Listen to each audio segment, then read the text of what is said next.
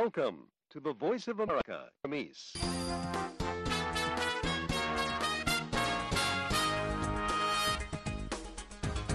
မင်္ဂလာညချမ်းပါတော်ရရှင်များရှင် VOA American အတန်ကနေ2024ခုနှစ်ဖေဖော်ဝါရီလ14ရက်ဗုဒ္ဓဘူးနေ့ညပိုင်း VOA မြန်မာပိုင်းစီစဉ်တွေကို American ပြည်ထောင်စု Washington DC မြို့တော်ကနေမြန်မာစံတော်ချိန်ည9:00နာရီကနေ10:00နာရီထိစတင်ထုတ်လွှင့်ပေးနေပါပြီ။ကျမတို့ရဲ့ Radio ထုတ်လွှင့်ချက်တွေကိုရုပ်သံကပါရှုစားနိုင်ကြပါပြီရှင်။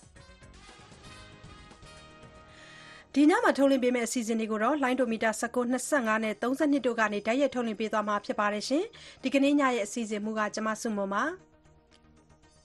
မင်္ဂလာညချမ်းပါတော်တာရှင်များရှင် ကျမခင်လေးပါ ဒီညအတွက် ထိတ်တန့်ရောက်သတင်းတွေကိုမက်ဆူမွန်နဲ့တူ တင်ဆက်ပေးသွားပါမယ် ဒီညမှာ ထူးခြားတဲ့သတင်းတွေကတော့ Israel Palestine အပြစ်ရရေးဆွေးနွေးပွဲ သဘောတူညီချက်မရပဲပြီးဆုံးသွားပါတယ်အငိမ့်စားယူထားတဲ့ စစ်သားတွေ စစ်မှုပြန်ထမ်းရမယ့် ဥပဒေကို စစ်ကောင်စီက ပြဋ္ဌာန်းလိုက်ပါတယ် စစ်မှုမထမ်းမနေရ ဥပဒေဟာ စစ်ကောင်စီရဲ့ အင်အားချိနေတာကို ပြသနေတယ်လို့ ကုလသမဂ္ဂ လူ့အခွင့်အရေး အထူးကိုယ်စားလှယ်က ပြောပါတယ်ဆိုတဲ့ ထိတ်တန့်ရောက် သတင်းတွေကို ပြောပြပေးသွားပါမယ်ရှင်ဟုတ်ကဲ့ပါရှင်ဒီညမှာ သောရရှင်တွေကို တင်ဆက်ပေးမယ်နောက်ဆုံးရ သတင်းပေးပို့ချက်တွေထဲမှာဆိုရင်တော့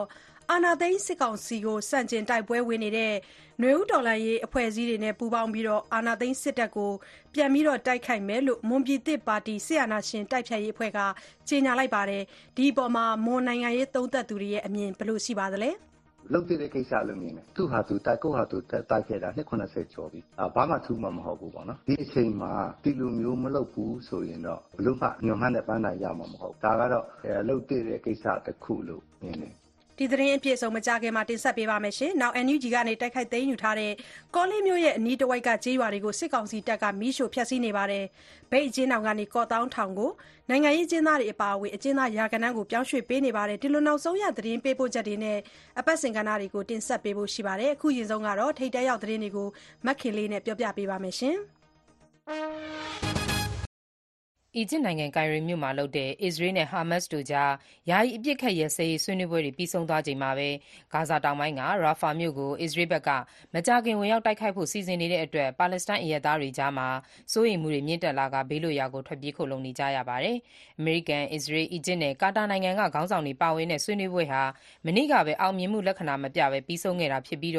နောက်တကြိမ် တွေ့ဆုံရမယ့်ရက်ကိုလည်း ထုတ်ပြန်ကြေညာနိုင်ခြင်း မရှိသေးပါဘူး။အစ္စရေးဘက်ကတော့ရာဖာမြို့မှာ ပုန်းအောင်းနေတဲ့ အစ္စလာမ်မစ်စစ်သွေးကြွတွေကို ဖယ်ရှားဖို့နဲ့ အောက်တိုဘာ ၇ ရက် ဟာမတ်စ်တွေတောင်းကြမ်းမှုက ဓားစာခံတွေကို ပြန်လွှတ်ပေးဖို့ ပြောထားပေမဲ့လည်း အရပ်သားတွေကို ဘေးလွတ်ရာ ရွှေ့ပြောင်းဖို့ အဆိုပြုထားတဲ့ အစီအစဉ်အသေးစိတ်ကိုတော့ ထုတ်ဖော်ပြောကြားခြင်း မရှိသေးပါဘူး။ဟာမတ်စ် တိုက်ခိုက်ရေးသမားတွေဟာ ဆေးရုံတွေနဲ့ အရပ်သားတွေကြားမှာ ပုန်းအောင်းနေတယ်လို့ အစ္စရေးဘက်က စွပ်စွဲထားပေမဲ့လည်း စစ်သွေးကြွအုပ်စုကတော့ ဒါကို ငြင်းဆိုထားပါတယ်။အစ္စရေးဝန်ကြီးချုပ် Benjamin Netanyahu နဲ့ ဒီကနေ့တွေ့ဆုံဆွေးနွေးမယ့် ဂျာမန်နိုင်ငံခြားရေးဝန်ကြီးကတော့ရာဖာကို ထိုးစစ်ဆင်မယ့် အစ္စရေးရဲ့ လုပ်ရပ်ဟာ လူသားချင်းစာနာမှုဆိုင်ရာ အခြေအနေတွေကို ပိုပြီး ဆိုးဝါးစေမယ်လို့ ပြောထားပါတယ်။ရုရှားသိမ်းပိုက်ထားတဲ့ ခရိုင်းမီးယားအနီး ပင်လယ်နက်ဒေသမှာ ရုရှားရေတပ်က အကြီးစား ကမ်းထိုးယာဉ်တစင်းကို ဖျက်ဆီးနိုင်ခဲ့တယ်လို့ ယူကရိန်းစစ်တပ်က ဒီကနေ့ပဲ ပြောလိုက်ပါတယ်။ Caesar Kunikov လို့ အမည်ရှိတဲ့ ရေယာဉ်ကို အလူကာမြို့အနီး ပင်လယ်ပြင်မှာ တိုက်ခိုက်ခဲ့တာလို့လည်း ယူကရိန်းစစ်တပ်က ပြောပါတယ်။ ဒီလို ရေယာဉ်တိုက်ခိုက်ခံရမှုနဲ့ ပတ်သက်လို့ ရုရှားဘက်က တစုံတရာ ပြောဆိုတာ မရှိသေးပါဘူး။လွန်ခဲ့တဲ့နှစ်နှစ်နီးပါးက ယူကရိန်းအပေါ် ကျူးကျော်တဲ့စစ် ရုရှားတို့စတင်လိုက်ချိန်ကတည်းကစပြီး ပင်လယ်နက်ဒေသမှာရှိတဲ့ ရုရှားရေတပ်က သင်္ဘောအများအပြားကို ယူကရိန်းစစ်တပ်ဘက်က တိုက်ခိုက် ဖျက်ဆီးနေတာဖြစ်ပါတယ်။ယူကရိန်းက ညဘက်တိုက်ခိုက်ခဲ့တဲ့ အဝေးထိန်း ဒရုန်းတွေကို လေကြောင်းရန်ကာကွယ်ရေးကနေ ကြားဖြတ် ဖျက်ဆီးနိုင်ခဲ့တယ်လို့ ရုရှားကာကွယ်ရေးဝန်ကြီးဌာနက သတင်းထုတ်ပြန်ထားပြီး ပင်လယ်နက်ဒေသမှာ ၆ ခုကို ပစ်ချနိုင်ခဲ့တယ်လို့ ပြောပါတယ်။ တချိန်တည်းမှာပဲ ယူကရိန်းနိုင်ငံအရှေ့ပိုင်းဒေါညက်မြို့မှာ ရုရှားရဲ့ ညဘက်တိုက်ခိုက်မှုတွေကြောင့် အနည်းဆုံး ၃ ယောက် သေဆုံးပြီး တိုက်ခန်းတွဲ ၉ ခုနဲ့ ဆေးရုံတခု ထိခိုက်ပျက်စီးခဲ့တယ်လို့ ယူကရိန်းတာဝန်ရှိသူတွေက ဒီကနေ့ပဲ အတည်ပြုပါတယ်။မြောက်အတ္တလန်တိတ် စစ်စာချုပ်အဖွဲ့ဖြစ်တဲ့ NATO မဟာမိတ်အဖွဲ့ကို စိန်ခေါ်ဝေဖန်ခဲ့တဲ့သမ္မတဟောင်း Donald Trump ရဲ့ မှတ်ချက်ဟာ အမေရိကန်ရဲ့ အကျိုးစီးပွားကို ခြိမ်းခြောက်နေသလို ရှက်စရာကောင်းတဲ့ လုပ်ရပ်အဖြစ် သမ္မတ Joe Biden က အင်္ဂါနေ့က ပြင်းပြင်းထန်ထန်ပဲ ဝေဖန်လိုက်ပါတယ်။ Trump က မဲဆွယ်စည်းရုံးပွဲတခုမှာ သူသာ သမ္မတဖြစ်ခဲ့မယ်ဆိုရင် ရုရှားကို ဖိတ်ပြီး NATO မဟာမိတ်တွေကို တိုက်ခိုက်လိုက်မယ်လို့ ပြောဆိုခဲ့တာပါ။ဒါကြောင့် ယူကရိန်းနိုင်ငံ ကာကွယ်ရေးအတွက် အထောက်အပံ့ပေးတဲ့ ဥပဒေမူကြမ်းကို ထောက်ခံမှု ရှိမရှိဆိုတဲ့ အောက်လွှတ်တော်အမတ် အများစုလွှမ်းမိုးထားတဲ့ Republican အမတ်တွေရဲ့ ဆုံးဖြတ်ချက်ဟာ Trump နဲ့အတူ ရပ်တည်မလား အမေရိကန်ပြည်ထောင်စုနဲ့အတူရပ်တည်မလားဆိုတာကို ရွေးချယ်ဖို့ အခြေအနေတွေဖြစ်လာတယ်လို့လည်း သမ္မတဘိုင်ဒန်က ပြောထားပါတယ်။အမေရိကန်-မက္ကဆီကို နယ်ခြားကနေ ရွှေ့ပြောင်းဝင်ရောက်လာသူတွေ အစုလိုက် ဝင်ရောက်လာမှုမှာ တာဝန်ရှိတယ်ဆိုပြီး အမေရိကန် အမိမြေလုံခြုံရေးဌာန ဝန်ကြီး Alejandro Mayorkas ကို အပြစ်ပေး အရေးယူဖို့ အမေရိကန် အောက်လွှတ်တော် ရီပတ်ဘလစ်ကန်အမတ်တွေမနေ့ကပဲ မဲခွဲဆုံးဖြတ်လိုက်ပါတယ်။ အောက်လွှတ်တော် ရီပတ်ဘလစ်ကန်အမတ် ၃ ယောက်က ဒီမိုကရက်အမတ်တွေနဲ့အတူ အပြစ်ပေးအရေးယူရေးအဆိုကို ကန့်ကွက်ခဲ့ပေမဲ့ ထောက်ခံမဲ ၂၁၄ မဲ၊ကန့်ကွက်မဲ ၂၁၃ မဲနဲ့ အပြစ်ပေးဖို့ အတည်ပြုလိုက်တာပါ။ အခု အောက်လွှတ်တော်မှာ အများစုနဲ့ အတည်ပြုလိုက်ပေမဲ့ အထက်လွှတ်တော်မှာ အတည်ပြုဖို့ဆိုရင် အထက်လွှတ်တော်အမတ်အားလုံးရဲ့ သုံးပုံနှစ်ပုံ ထောက်ခံဖို့လိုအပ်ပြီး ဒီမိုကရက်အမတ်အများစုလွှမ်းမိုးတဲ့ အထက်လွှတ်တော်အနေနဲ့ အရေးယူရေးကို ပယ်ချဖို့ သေချာသလောက်ရှိပါတယ်။ဒါပေမဲ့လည်း နယ်ခြားမှာ ရွှေ့ပြောင်းဝင်ရောက်လာသူ တသောင်းလောက် နေ့စဉ်ဝင်လာနေတဲ့ အကျပ်အတည်းနဲ့ ပတ်သက်လို့ သမ္မတ Joe Biden အစိုးရကို အပြစ်ဖို့နေတဲ့ ရီပတ်ဘလစ်ကန်ပါတီဝင်တွေအတွက်တော့ ရွေးကောက်ပွဲမတိုင်ခင် နိုင်ငံရေးအရ သင်္ကေတသဘောဆောင်တဲ့ အောင်မြင်မှုတခု ဖြစ်လာနိုင်ပါတယ်။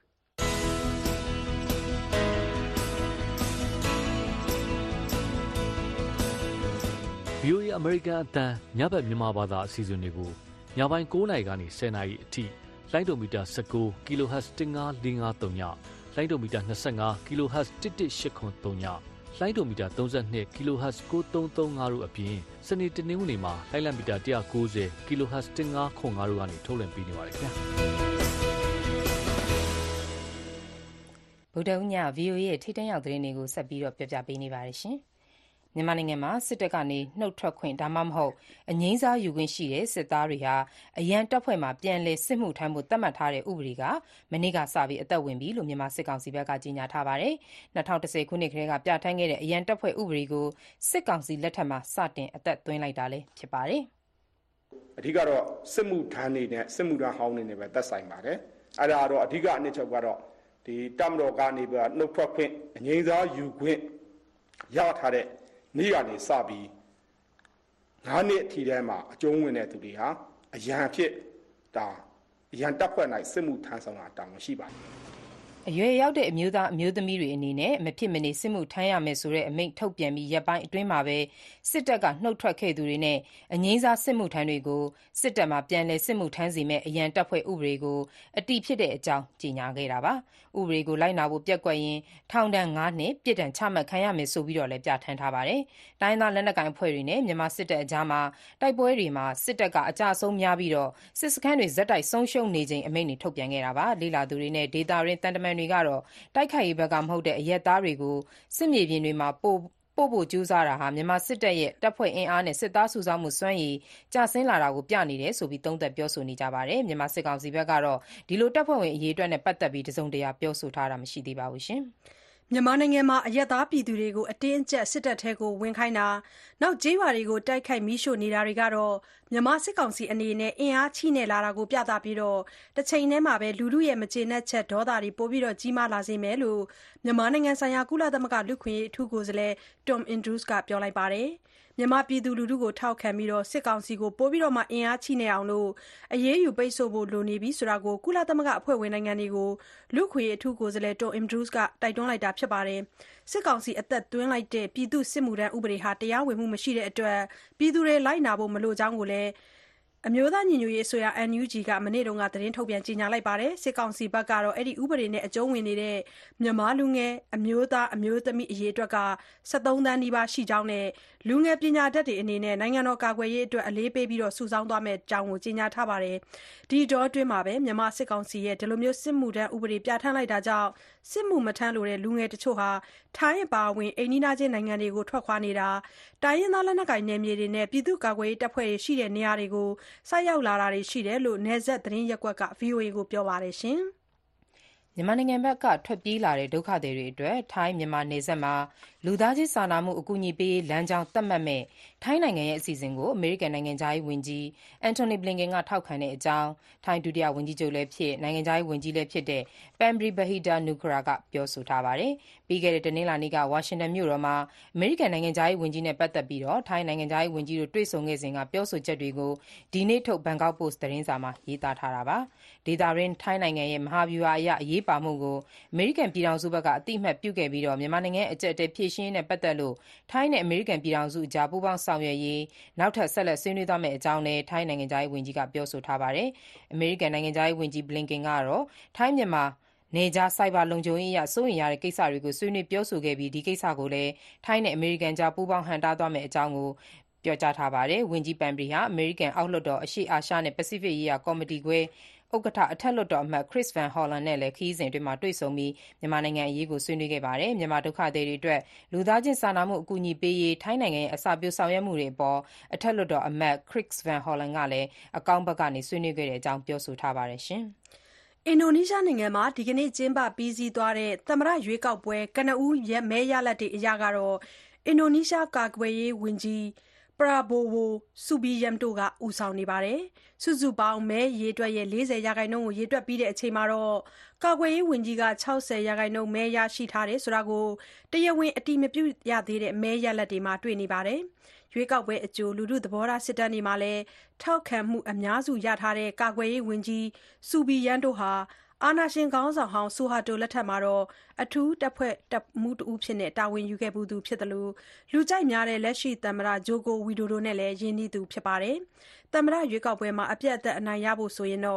မဲအားလုံးရဲ့ ၅၀ ရာခိုင်နှုန်းကျော် ရရှိဖို့ လိုပါတယ်။ ပြည်နယ်အသီးသီးမှာလည်း အနည်းဆုံး မဲ ၂၀ ရာခိုင်နှုန်းကျော် ရရှိဖို့ လိုပါတယ်။အင်ဒိုနီးရှားနိုင်ငံအနှံ့ ကျင်းပတဲ့ ဒီကနေ့ ရွေးကောက်ပွဲမှာ ပြဿနာတစုံတရာ မရှိဘဲ အဆုံးသတ်ခဲ့ပါတယ်။လက်ရှိ သမ္မတသက်တမ်း ၂၉ တာဝန်ယူထားတဲ့ Joko Widodo နေရာကို ဆက်ခံနိုင်ရေး ပြည်နယ်အုပ်ချုပ်ရေးမှူးဟောင်းတွေဖြစ်တဲ့ Anies Baswedan နဲ့ Ganjar Pranowo တို့လည်းရွေးကောက်ပွဲမှာ ဝင်ရောက်ယှဉ်ပြိုင်ခဲ့ကြပါတယ်။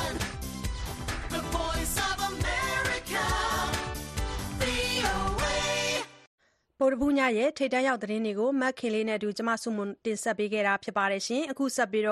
ဖေဖော်ဝါရီလ၁၄ ရက်နေ့ နောက်ဆုံးရ သတင်းပေးပို့ချက်တွေကိုတင်ဆက်ပေးပါမယ်။အရင်ဆုံးနွေဦးတော်လှန်ရေးအဖွဲ့အစည်းတွေနဲ့ ပူးပေါင်းပြီး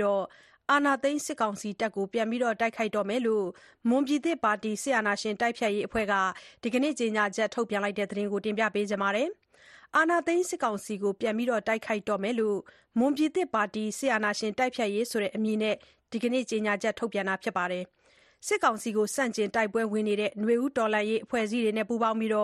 အာဏာသိမ်း စစ်ကောင်စီတပ်ကို တိုက်ခိုက်သွားမယ့်အကြောင်း အဲဒီထုတ်ပြန်ချက်မှာ ဖော်ပြပါတယ်။ဒီကြေညာချက်အပေါ် မွန်နွေဦးတော်လှန်ရေးအဖွဲ့တွေနဲ့ မွန်ပြည်သူတွေကလည်း ကြိုဆိုကြတယ်လို့ ပြောဆိုကြပါတယ်။ဒီအကြောင်း သတင်းပေးပို့ချက်ကို အခြေခံပြီး မအင်ကြင်းနိုင်က ပြောပြပါမယ်။အာဏာသိမ်းစစ်ကောင်စီကို ပြန်တိုက်တော့မယ်လို့ မွန်ပြည်သစ်ပါတီ စစ်အာဏာရှင်တိုက်ဖျက်ရေးဆိုတဲ့အမည်နဲ့ ဖေဖော်ဝါရီလ ၁၄ ရက် ဒီကနေ့မှာ ကြေညာချက် ထုတ်ပြန်ပါတယ်။ မွန်ပြည်သစ်ပါတီအနေနဲ့ NCA စာချုပ် သဘောတူညီချက်အရ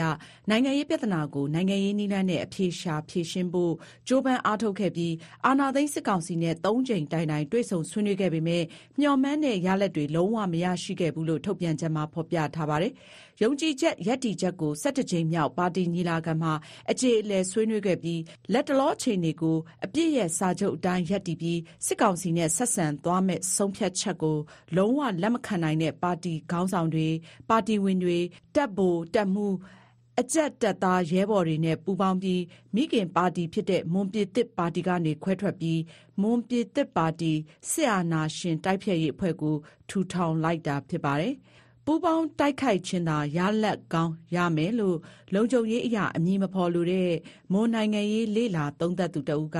ဗွီအိုအေကို အခုလို ပြောပါတယ်။"လုပ်သင့်တဲ့ကိစ္စလို့မြင်တယ်။ဘာလို့လဲဆိုတော့လေ ကိုယ်တဖွဲ့တည်း ဒီကိုယ့်တမျိုးသားတခုတည်းနဲ့ တိုက်ခဲ့တာပေါ့နော် သူ့ဟာသူတိုက် ကိုယ့်ဟာသူတိုက်ခဲ့တာ နှစ် ၇၀ ကျော်ပြီ ဘာမှထူးမှာ မဟုတ်ဘူးပေါ့နော် ဒီအချိန်မှာ ဒီလိုမျိုးမလုပ်ဘူးဆိုရင်တော့ ဘယ်လိုမှ မျှော်မှန်းတဲ့ပန်းတိုင်ရောက်မှာ မဟုတ်ဘူး ဒါကတော့ လုပ်သင့်တဲ့ကိစ္စတခုလို့ မြင်တယ်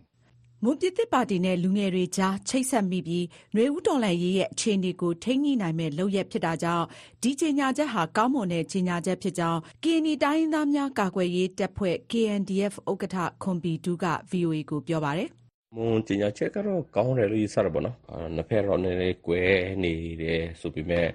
မွန်လူငယ်တွေ မွန်တော်လှန်ရေးအဖွဲ့တချို့နဲ့ပေါ့နော်ဒီအခု မွန်ပြည်သစ်ပါတီက ပြန်တွဲမိပြီးမှ ဒီနွေဦးတော်လှန်ရေးရဲ့အခြေအနေတွေကိုပေါ့နော်ပိုပြီးမှထိန်းညှိနိုင်လိမ့်မယ်ပေါ့နော်သို့မဟုတ်ရင်တော့မွန်တွေရဲ့နိုင်ငံရေးတွေကလည်းကြားထဲမှာပေါ့နော်မှေးမှိန်သွားလိမ့်မယ်ပေါ့နော်မွန်ပြည်နယ်နဲ့ဒီအမျိုးသားနိုင်ငံရေးရပ်တည်ချက်ကိုဒီနည်းနဲ့သာပဲပေါ့နော်တက်တက်မနိုင်မယ်လို့ယူဆတယ်ဟုတ် အခြားသော နွေဦးတော်လှန်ရေးအဖွဲ့တွေနဲ့အတူ ရပ်တည်ပြီး စစ်အာဏာရှင် တိုက်ဖျက်မယ့် အစီအစဉ်ကို ထောက်ခံကြိုဆိုတဲ့အကြောင်း မွန်လူငယ်အမျိုးသမီးတဦးကလည်း ပြောပါတယ်။အရင်အရင်ကတည်းကလည်း အာနာသိမ့်ပြီးတဲ့ နောက်ပိုင်းမှာလည်းခြားတော့တော်လိုင်းရေးတွေနဲ့အတူပေါ့ရက်တည်ပြီးတော့ဆက်ဆက်လုပ်တင်ပါတယ်ဆိုတော့အတွန်းအားလည်း ပေးခဲ့ဘူးလေပေါ့နော်တိုးတော့လည်းဒီအခုလူချိန်ကောင်း အခါကောင်းမှာ ယခုလူဒီ ပုံဒီတစ်ပါတီဆရာနေရှင်တိုက်ဖြည့်ရေးကနေဒီလိုမျိုးသားတန်းလူမျိုးအတွက်ပူပန်ကြထိုင်ရေးအတွက်ဒီအခြားတော့တော်လိုင်းရေးစုဖွဲ့နဲ့အတူပေါ့နော်ဒီကျမ်းပတ်စစ်တပ်ကိုတိုက်ဖြတ်ဖို့ဒီရှင်းရှင်းလင်းလင်းဖြစ်လာတာလည်းကောင်းတာပေါ့နော်ထောက်ခံပါတယ်စစ်မျက်နှာဖွင့်လိုက်ပြီးဖြစ်တာကြောင့်ပြည်သူတွေလည်းပြင်ဆင်ထားကြဖို့လိုအပ်သလိုမွန်ပြည်နယ်အတွက်လူသားချင်းစာနာမှုအထောက်ပံ့တွေပေးနိုင်ဖို့ကြိုတင်ပြင်ဆင်ထားဖို့ မွန်လူငယ်တွေအပါအဝင် အခြားသောမဟာမိတ်အဖွဲ့အစည်းတွေနဲ့ အချိတ်ဆက်လုပ်တင်တယ်လို့ မွန်ပြည်သူတွေနဲ့ နိုင်ငံရေးလေ့လာသုံးသပ်သူတွေက ပြောဆိုကြပါတယ်။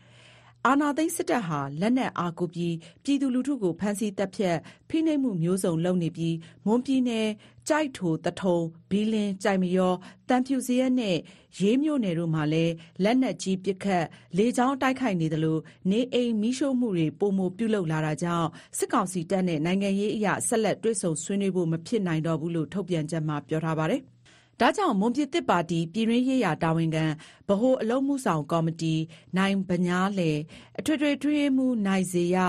ဒုစစ်ဦးစီးချုပ်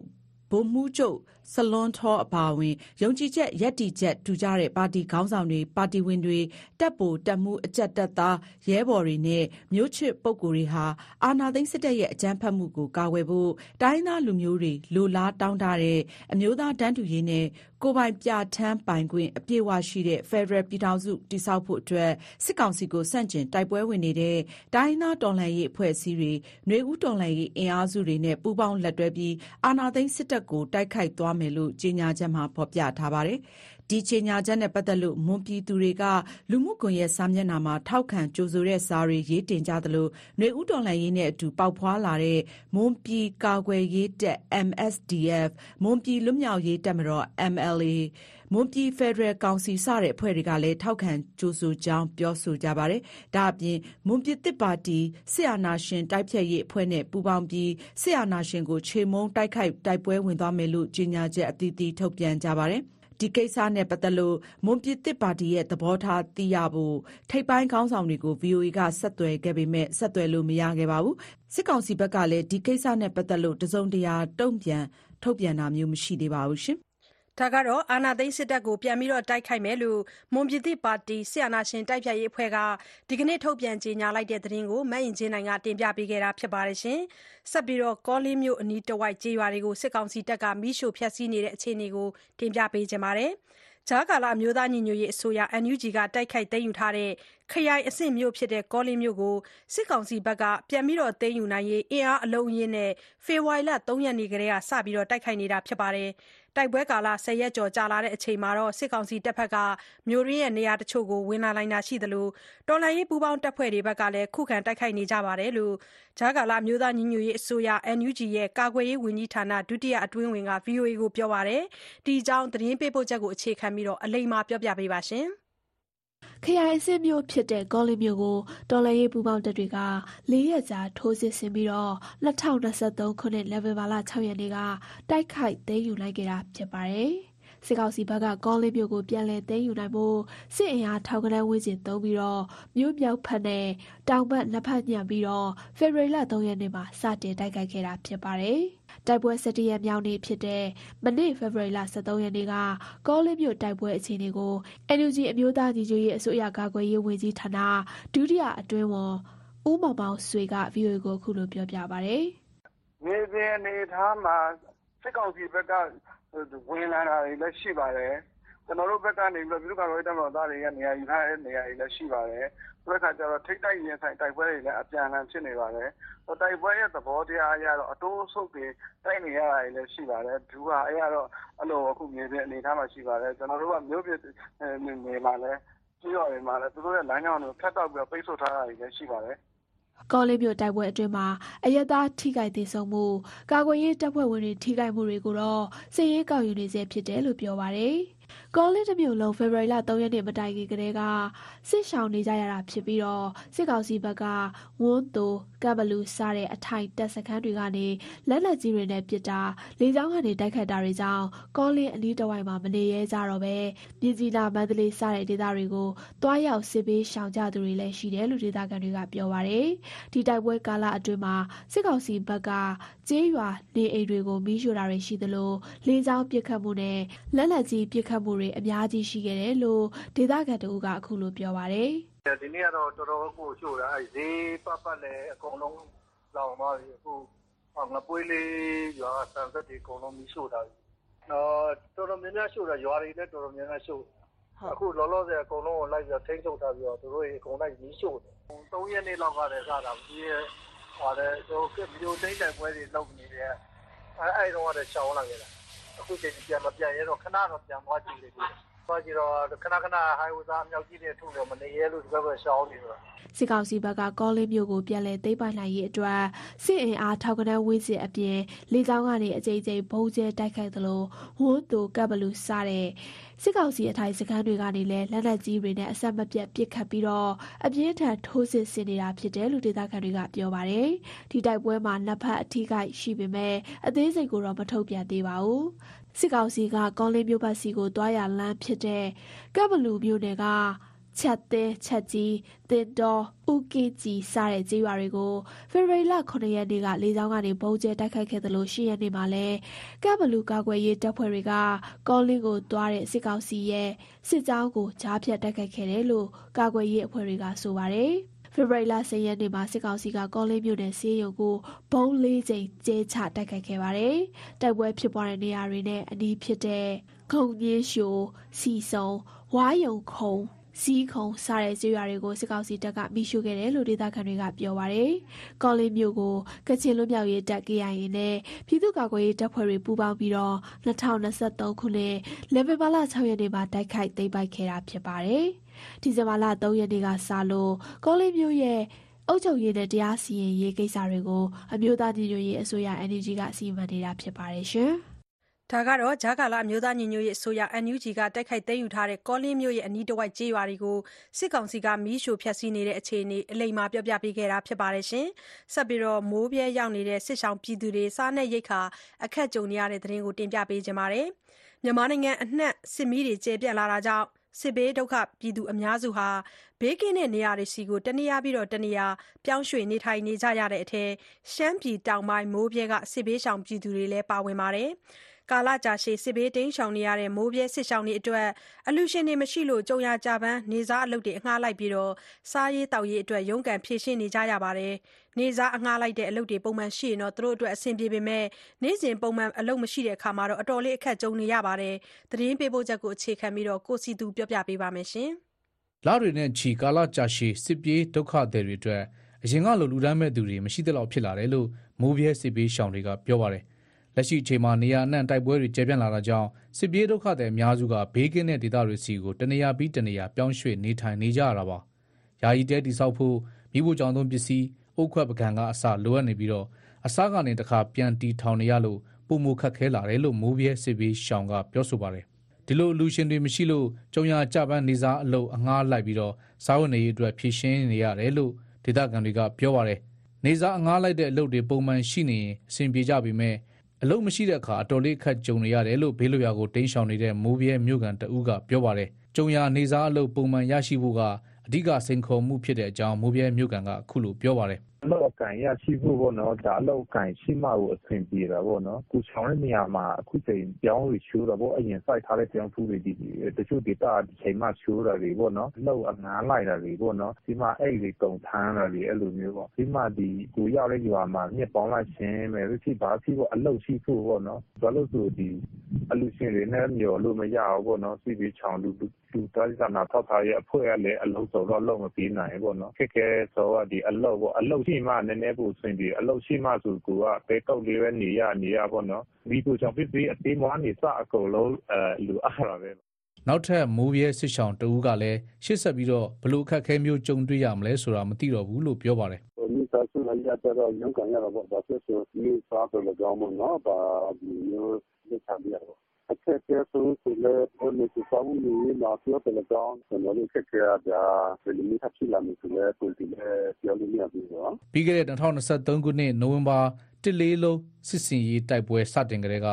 မိုးပြဲမြို့ကန်တွေ မြို့လုံးကျွတ် အိုးရင်ဆွန့်ခွာပြီး နီးစပ်ရာ ဒီမော့ဆို ညောင်ရွှေဖက်ခုံမြို့တွေဘက်ကို ခိုလုံလာကြတာပါ ပြီးခဲ့တဲ့ ဇန်နဝါရီလက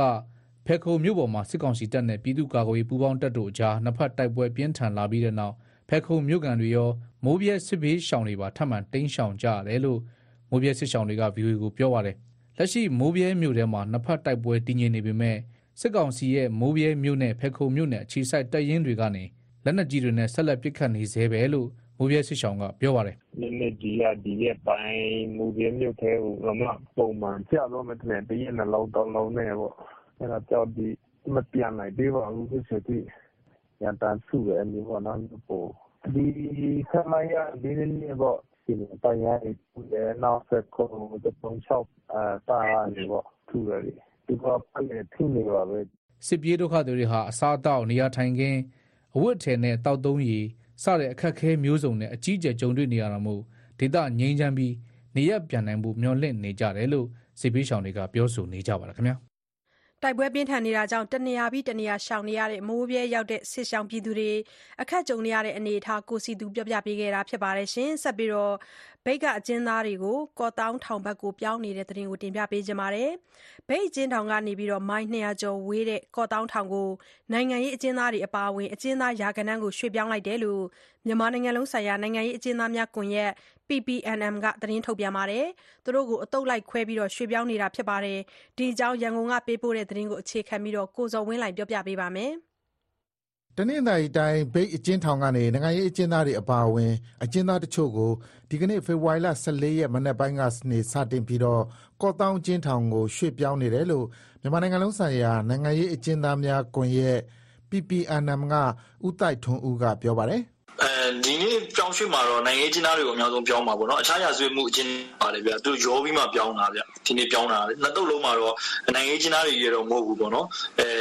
စုစုပေါင်းတော့လူကြီး300ရွှေ့မှာဒီနေ့တည့်ရက်တည်းနဲ့300ရွှေ့မယ်လို့ကျွန်တော်တို့သိထားရတယ်ပေါ့အဲလက်ရှိပြောင်းတာတော့နိုင်ငံရေးကျင်းသားအပါဝင်အခြားရာဇဝတ်ကျင်းသားတွေလည်းရောပြီးမှတော့ထည့်ပါတယ်ဗျဒီနေ့ပြောင်းနေတယ်မှာပေါ့နော်အမည်မဖော်လိုတဲ့ထောင်အာဏာပိုင်တဦးအဆိုအရကတော့အကျဉ်းထောင်တွင်းနေရအခက်အခဲကြောင့်ပြောင်းရွှေ့တာဖြစ်ပြီးပြောင်းရွှေ့ခံရသူစည်ရင် လူနာမည်တွေကိုတော့ နောက်တစ်နေ့မှာ အကျဉ်းထောင်တွင်းမှာ စာကတ်ထားမှာဖြစ်တယ်လို့ VOA ကို ပြောပါတယ် လက်ရှိအချိန်အထိလည်း နိုင်ငံရေးအကျဉ်းသားတွေကို ထောင်ပြောင်းဖို့ နာမည်နဲ့ခေါ်ထုတ်ပြီး ညနေပိုင်းမှာလည်း နောက်ထပ်တစ်သုတ်ပြောင်းရွှေ့ဖို့ ပြင်ဆင်နေတယ်လို့ ပြောပါတယ်။နိုင်ကျဉ်းတွေကို ကူညီပေးနေသူတွေကတော့ နေရာအခက်အခဲကြောင့်ရော လုံခြုံရေးကြောင့်ပါ ပြောင်းရွှေ့တာဖြစ်နိုင်တယ်လို့ သုံးသပ်နေကြပါတယ်။လက်ရှိဘိတ်အကျဉ်းထောင်ထဲမှာ အကျဉ်းဦးစီးရဲတပ်ဖွဲ့ဝင်တွေနဲ့အတူ စစ်တပ်ကပါ လုံခြုံရေးယူထားတယ်လို့ မြန်မာနိုင်ငံလုံးဆိုင်ရာ နိုင်ငံရေးအကျဉ်းသားများကွန်ရက်က ပြောပါတယ်။ ထောင်ပြောင်းတော့မယ့်အကြောင်း မိသားစုတွေကို ကြိုတင်အသိပေးခြင်းမရှိတာကြောင့် မိသားစုတွေဟာ ထောင်ပြောင်းပြီးမှ သိရတာများပါတယ်။ပြန်လွတ်လာသူတွေနဲ့ နိုင်ငံရေးအကျဉ်းသားတွေ ကူညီဆောင်ရှောက်နေသူတွေကတော့ နိုင်ငံရေးပုံမှန်တွေနဲ့ အကျဉ်းချခံနေရသူတွေဟာ အကျဉ်းထောင်တွေထဲမှာ ကျန်းမာရေးဆောင်ရှောက်မှု မရရှိဘဲ ဖိနှိပ်မှုအမျိုးမျိုး ကြုံတွေ့နေရသလို လူ့အခွင့်အရေး ဆိုးဆိုးဝါးဝါချိုးဖောက်ခံခဲ့ရတယ်လို့ ပြောပါတယ်။ လက်ရှိ ထောင်အသီးသီးမှာ လူ့အခွင့်အရေး ချိုးဖောက်ခံရမှုတွေဟာ စိတ်ပူစရာအခြေအနေဖြစ်နေတာမို့ နိုင်ငံတကာကသိအောင် ထိထိရောက်ရောက် တင်ပြနိုင်ဖို့ ပြင်ဆင်နေတယ်လို့လည်း ဦးတိုက်ထွန်းဦးက ပြောပါတယ်။လက်ရှိမှာကျွန်တော်တို့အကျဉ်းထောင်တွေ လူခွင့်ရေးချိုးဖောက်မှုတွေရှိတိုင်းတော့ ICRC ကို ကျွန်တော်တို့ဒါအသိပေးလျက်ရှိပါတယ်အဲတို့တော့လည်းပဲကျွန်တော်တို့ အားမရဘူးပေါ့နော် ကိုယ်တိုင်ကလည်း စစ်ကောင်စီနဲ့ကဒါအဆင်ပြေအောင် ညှိနှိုင်းပြီးနေနေရတဲ့သဘောပဲကျွန်တော်တို့တွေ့ပါတယ် အဲ့တော့ သူတို့ပြောချင်တော့မှ အရင်တော့လိုမျိုးတော့ statement ကြီးအကြီးကြီးနဲ့ ပြောနိုင်လိမ့်မယ်လို့ မယုံကြည်ဘူးပေါ့နော် ပူးတွဲကြီးမှာပဲဘယ်လောက်ထိတက်တာအောင်လုပ်ပေးနိုင်မလဲပေါ့ဒါပဲသူတို့လုပ်နိုင်လိမ့်မယ်လို့ယုံကြည်ရဲ့ဒီနှစ်ထဲမှာလည်းကျွန်တော်တို့အချင်းထောင်ကိုပဲ specialize လုပ်ပြီးမှကျွန်တော်တို့ဒါဂျနီဗာမှာအစီအခံစာတစ်စောင်မြန်မာနိုင်ငံမှာဖြစ်နေတဲ့အချင်းထောင်တွင်ဖြစ်နေတဲ့ဟာတွေကို specialize ပေါ့နော်တည်တဲ့တစ်စောင်ထုတ်ပြန်သွားဖို့ရှိပါတယ်အဲ့ဒါတော့အဲ့အတွက်လည်းကျွန်တော်တို့စူးစမ်းပြင်ဆင်နေကြပါတယ်ပေါ့နော်နီးစပ်ရာ UN ဖွဲ့စည်းတွေကိုလည်းကျွန်တော်ပူးပေါင်းပြီးမှတည်င်းနေပို့တယ်ကိုယ်တိုင်ကျူးလွန်ခံခဲ့ရတဲ့ case တွေအားလုံးကိုစုစည်းပြီးမှစနစ်တကျကျွန်တော်ပြုလုပ်လျက်တော့ရှိပါတယ်ဗျအဲ့ဒါတွေနိုင်ငံတကာမှာထုတ်ပြန်ပြီး တော့ပို့ပြီးညွှန်နေဝါမယ်လို့ကျွန်တော်တို့မျှော်လင့်ပါတယ်ပေါ့နော်နိုင်ငံရေးအကျဉ်းသားများကူညီစောင့်ရှောက်ရေးအသင်း AAPP ထုတ်ပြန်ချက်အရစစ်အာဏာသိမ်းပြီးချိန်ကနေဒီနှစ်ဖေဖော်ဝါရီလ23ရက်အထိနိုင်ငံရေးနဲ့ဆက်ဆက်ပြီးဖမ်းဆီးခံထားရသူ2000ကျော်ရှိပြီးအဲ့ဒီထက်ကလူ9000နီးပါးကတော့ထောင်ဒဏ်တွေချမှတ်ခံထားရပါတယ်စစ်ကောင်စီကတော့ AAPP စည်ရင်းတွေကချက်ကားထားတဲ့စည်ရင်းတွေဖြစ်တယ်လို့ဝေဖန်ထားပါတယ်ခင်ဗျာ ဒါကတော့ မြိတ်အကျဉ်းထောင်ကနေ နိုင်ငံရေးအကျဉ်းသားအပါအဝင် အကျဉ်းသားတွေကို ရွှေ့ပြောင်းပေးနေတဲ့သတင်းကို ကိုဇော်ဝင်းလှိုင်တင်ပြပေးခဲ့တာပါ။ဒီကနေ့ညရဲ့ သတင်းပေးပို့ချက်တွေကတော့ ဒီလောက်ပါပဲ။မကြာခင် ထုတ်လွှင့်ပေးမယ့် ဒုတိယပိုင်းမှာတော့အပတ်စဉ်ကဏ္ဍတွေ ရှုစားနားဆင်ရဖို့ ရှိပါတယ်။ VOA အစီအစဉ်တွေကို ရေဒီယို ရုပ်မြင်သံကြားတို့အပြင် YouTube စာမျက်နှာကနေလည်း နားဆင်ကြည့်ရှုနိုင်ပါတယ်။ VOA မြန်မာပိုင်း YouTube စာမျက်နှာ လိပ်စာကတော့ youtube.com/voaburmese ဖြစ်ပါတယ်။ မင်္ဂလာညချမ်းပါသောရရှင်များရှင် VOA အမေရိကန်အတန်ရဲ့2024ခုနှစ်ဖေဖော်ဝါရီလ14ရက်ဗုဒ္ဓဖူးညချမ်းမြန်မာဘာသာအစီအစဉ်တွေကိုအမေရိကန်ပြည်ထောင်စုဝါရှင်တန် DC မြို့တော်ကနေတိုက်ရိုက်ထုတ်လွှင့်ပေးနေတာဖြစ်ပါတယ်ရှင် အခု ဒုတိယပိုင်း နာရီဝက်မှာတော့အပတ်စဉ်ကဏ္ဍတွေကို တင်ဆက်ပေးမှာပါ အရင်ဆုံးတော့ဦးကျော်စံသားရဲ့ Editor နဲ့ ဆွေးနွေးခန်း အစီအစဉ်ကို တင်ဆက်ပေးကြပါမယ်အရှိန်မြင့်လာနေတဲ့ ရခိုင်တိုက်ပွဲကို အခုချိန်ထိ တရုတ်က ကြားဝင်စေ့စပ်နိုင်ခြင်း မရှိသေးပါဘူး ရှမ်းမြောက်မှာလိုမျိုးအောင်အောင်မြင်မြင် စေ့စပ်ပေးနိုင်ဖို့အတွက်ဘယ်လိုမျိုးအခက်အခဲတွေ ရှိနေပါသလဲ ရှေ့ဆက်ပြီးတော့ဘယ်လို ဖြစ်လာနိုင်ခြေတွေ ရှိပါသလဲဆိုတာကို ဒီသတင်းပတ်ရဲ့ Editor နဲ့ ဆွေးနွေးခန်း အစီအစဉ်မှာ ဦးကျော်စံသားကို မမြတစင်အောင်က မေးမြန်းတင်ဆက်ထားပါတယ်။ မ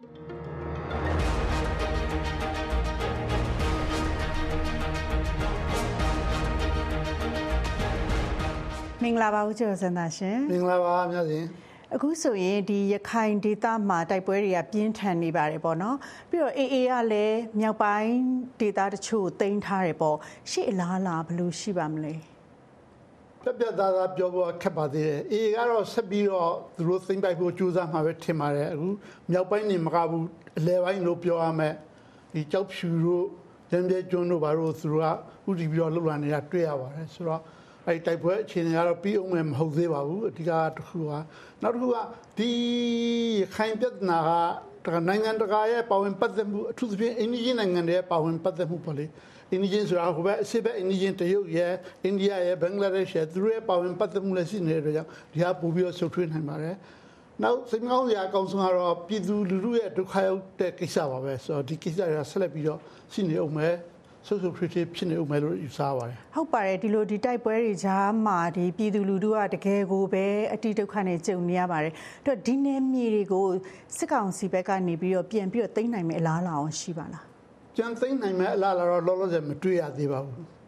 စစ်ကောင်စီပြန်သိမ်းယုံလှောင်းနေလည်းပဲဒီအထူးသဖြင့်ပြည်သူလူထုရဲ့ဒုက္ခတွေကပြည်လည်သွားမယ်မဟုတ်ဘူးထင်ပါတယ်ပြည်သူလူထုတွေကတော့အခက်အခဲတွေတနေ့နေ့မှာတိုက်ပွဲတွေဖြစ်နေတဲ့အတွက်ကြောင့်သူတို့ကတော်တော်လေးအခက်အခဲကြုံနေရမှာပါပဲဘယ်စစ်မဆိုစစ်ပွဲတစ်ခုဖြစ်လိုက်ပြီဆိုရင်ပထမဆုံးဆုံးရှုံးရသူကတော့ winner loser ဆိုတာ loser ပထမဆုံး loser ကတော့ပြည်သူလူထုပါပဲသူတို့ကတော့မြေစာပြင်ဖြစ်ရတာပေါ့လေ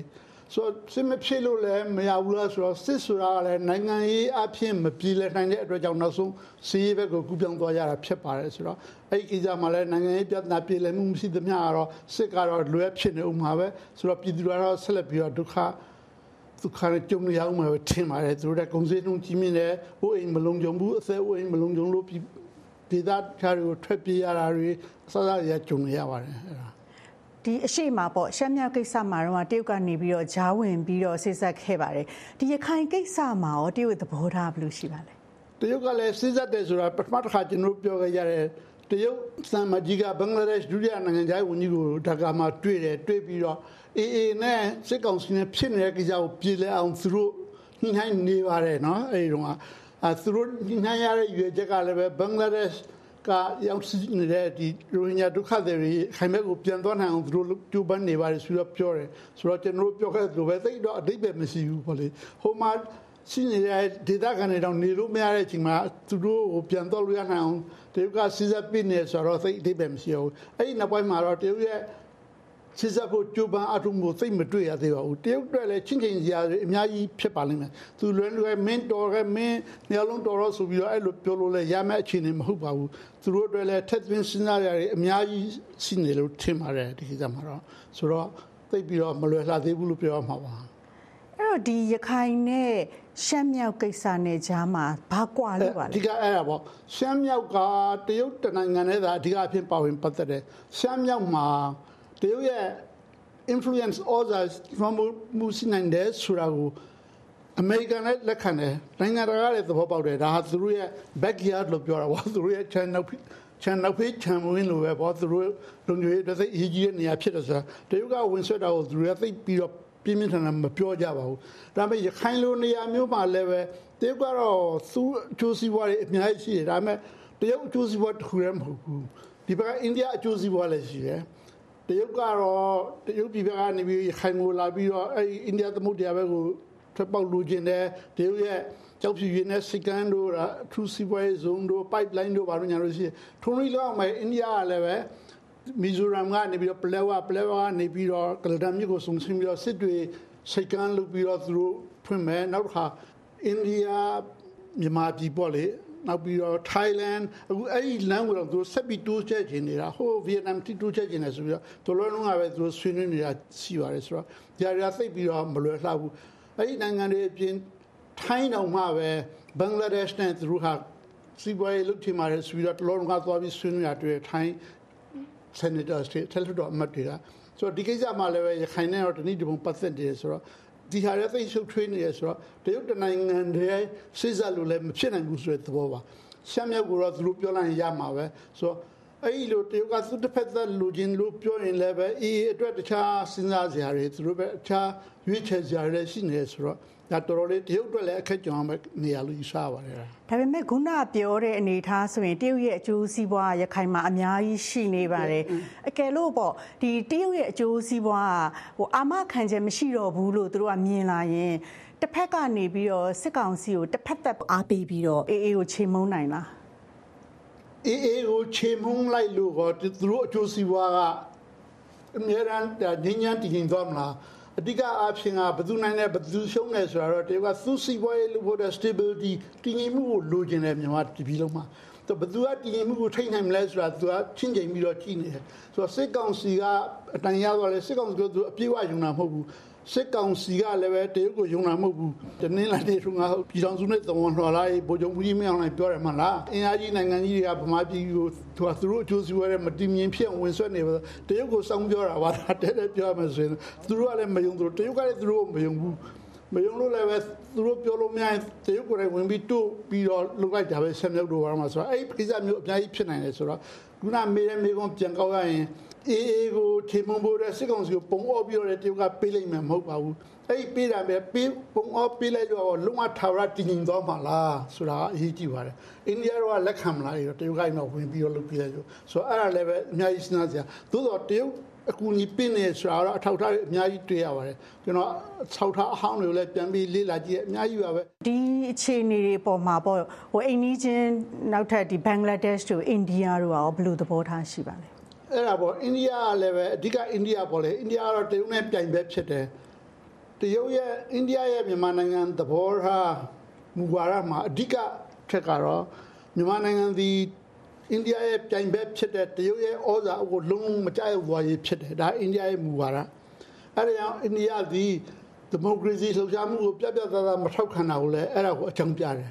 ငါတို့ကပြက်ပြက်သားထောက်ခံလိုက်ရင်မြန်မာနိုင်ငံစစ်ကောင်စီကတရုတ်ဘက်ကိုလုံးဝပါဆိုတရုတ်ဘက်ကိုတွန်းပို့လိုက်လို့ဖြစ်သွားမယ်ဆိုတာအိန္ဒိယအများနဲ့ဆိုရင်လေဆိုတော့အိန္ဒိယကလည်းပဲတရုတ်လိုပဲတစ်ဖက်ကိုကြည့်လိုက်ဟိုဘက်ကြည့်လိုက်ကြည့်နေရပါတယ်ဆိုတော့အစတုန်းကတော့ အိန္ဒိယစစ်ကောင်စီဖြစ်ဖြစ်ဗဟိုအစိုးရဖြစ်ဖြစ်သူတို့ရဲ့သဘောတည်မှုရရှိရတဲ့ပေါ့လေသူတို့ရဲ့ကလဒန်ဘက်ဆုံးဖွံ့ဖြိုးစီမံကိန်းအတွက်တခြားမြန်မာနိုင်ငံကိုဖျက်သွားမဲ့စီမံကိန်းတွေအတွက်အနာရှိရဲ့အစိုးရနဲ့သာဆက်သွယ်ခဲ့ပြီးတော့အေရိုဘာရိုသိဂူးမဆိုင်ခဲ့ပါဘူးအေကအဲ့ဒါကိုသိမကျင်납ဘူးအေကဒီကိစ္စနဲ့ပတ်သက်ပြီးတော့ကလဒန်ဘက်ဆုံးစီမံကိန်းကိုသူတို့ကနည်းနည်းလှုပ်လာတော့ပြီးခဲ့တဲ့တရက်နေ့ကရေးတဲ့ဆောင်းပါးထဲမှာဟိန္ဒူဟိန္ဒူစတန်တိုင်းသတင်းစာထဲမှာပါတယ်အဲ့ ပလဘကိုအေကထိန်းချုပ်လိုက်ပြီးကြတဲ့ကအိန္ဒိယရဲ့ကလဒန်စီမံကိန်းဟာရှေ့ကိုမတိုးနိုင်တော့ဘူးဆိုတော့ပြောတယ်ဆိုတော့တချို့သတင်းစာတွေကအိန္ဒိယဆိုတော့တိုက်တွန်းကြတယ်မင်းတို့ဒီစစ်ကောင်စီကိုအကူနေလို့မရတော့ဘူးဒီဆိုတာခဏခဏဖြစ်နေပြီမထိတ်နိုင်တော့ဘူးတိုင်းပြည်ကိုဆိုတော့အဲ့မှာအေးအပါဝင်ကြံတဲ့တိုင်းရင်းသားတွေမှာချင်းဆိုကြပါတော့သူတို့လည်းပဲလိုဘက်မှာသိနေမြေသိပဲထားသူတို့နဲ့မမှန်ကန်ကန်ထိတွေ့ဆက်ဆံဖို့လိုလာပြီဆိုတော့ပြောနေကြပါတယ်ဒါအိန္ဒိယပေါ့လေ ဘင်္ဂလားဒေ့ရှ်ကလည်းပဲသူတို့ဒုက္ခတဲ့ကိစ္စအပြင်မြန်မာနိုင်ငံကဒုက္ခတွေဆိုတော့စစ်တပ်ကထွက်ပြေးလာတဲ့လူတွေဘင်္ဂလားဒေ့ရှ်ကိုရောက်တယ်ဟာဒီကိစ္စသိအရေးကြီးတယ်ဆိုတော့ဒီဟာကိုပြန်ပို့မဲ့ကိစ္စတွေသူတို့ညှိနေရတယ်အဲ့ဒီချိန်ထဲမှာပဲလူဖွင့်ရေးအဖွဲ့ Confederate Rights ကလည်းပြောတယ်ဒီဗမာစစ်တပ်ကထွက်ပြေးလာတဲ့လူကိုပြန်မပို့နိုင်အောင်သူတို့တွေဟာဘယ်တော့လူခွင့်ရေးချိုးဖောက်မှုကဘလောက် background မှာပါဝင်ခဲ့လဲဘာလို့သိလဲဆိုတာစစ်ပါအောင်သူတို့သူတို့နှိမ့်ဆက်ဖို့တော့မပြောဘူးသူတို့ကောင်းကောင်းမွန်မွန်ထားပါဒါပေမဲ့အဲ့ဒီအချက်လက်တွေကိုယူပါ ဒီရိုဟင်ဂျာတွေကိုမောင်းထုတ်ခဲ့တဲ့အထက်မှာဗမာစစ်တပ်ကအဓိကဆိုတော့သူတို့ဟာဘယ်လိုပတ်သက်ခဲ့လဲဆိုတာစစ်စစ်ဖို့ပြောနေဆိုတော့အင်းဘင်္ဂလားဒေ့ရှ်အတွက်လည်းပဲတော်တော်အရေးကြီးတဲ့ကိစ္စဖြစ်လာပါတယ်ဒီကိစ္စဟာဆိုတော့ဒါတွေဟာတရုတ်ပါဝင်ပါဝင်ပေါ့တရုတ်နိုင်ငံနဲ့မဟုတ်ဖ ೇನೆ ဘေးနားနိုင်ငံတွေကပတ်သက်နေတဲ့ဆိုတဲ့ကိစ္စဖြစ်ပါတယ်ဒီဟာ နောက်တစ်ခုသိချင်တာပါတစ်ဖက်မှာလည်းဒီ American Australia Japan India သူတို့ကဒီလုံခြုံရေးဆိုင်ရာဆွေးနွေးပွဲနိုင်ငံများအဖွဲ့ဆို Quad အဖွဲ့ပေါ့ဒီအဖွဲ့ကရောဒီ Indo-Pacific ဒေသအရေးမှာဘယ်လိုကဏ္ဍပါပါလဲကွာဖွဲ့ဖွဲ့ရတဲ့အဓိကရွေချက်ကိုတဲတဲပြောရင်ဆိုအဲ့ဒီမှာတရုတ်လွှမ်းမိုးလာမှာကိုတားတာပါပဲ တရုတ်လွှမ်းမိုးလာမှာကိုအမေရိကန်မလိုလားဘူးတရုတ်ရဲ့ပြိုင်ဘက်ဖြစ်တဲ့အိန္ဒိယကိုလည်းပဲအဖော်ညှိတယ်အိန္ဒိယသမုဒ္ဒရာအဓိကလုံခြုံရေးအတွက်ဖြစ်တယ်ဆိုတော့တရုတ်ကအိန္ဒိယသမုဒ္ဒရာကိုခင်ဗျားတစ်ဆင့်ထွက်ပေါက်လို့ဖို့လုပ်လာတာကိုအစတုန်းကတရုတ်ဟာဟိုမလက်ကရေလက်ကြားကဒီပတ်ထွက်ရတယ်ဒါပေမဲ့အဲ့မလက်ကရေလက်ကြားကိုဒီဘက်ကပိတ်လိုက်နိုင်ရင်တရုတ်အတွက်ထွက်ပေါက်ဟွာဖြစ်သွားမယ်နောက်ပြီးတော့ဒီရခိုင်ကနေပြီးတော့ကုန်းလန်းနဲ့ဆက်ပြီးတော့တယ်ပို့ပြီးတော့လွယ်ကူရဆိုပြီးတော့အဲ့ဘက်ကိုလှုပ်လာတာဆို ဒီဘက်ကိုအဓိက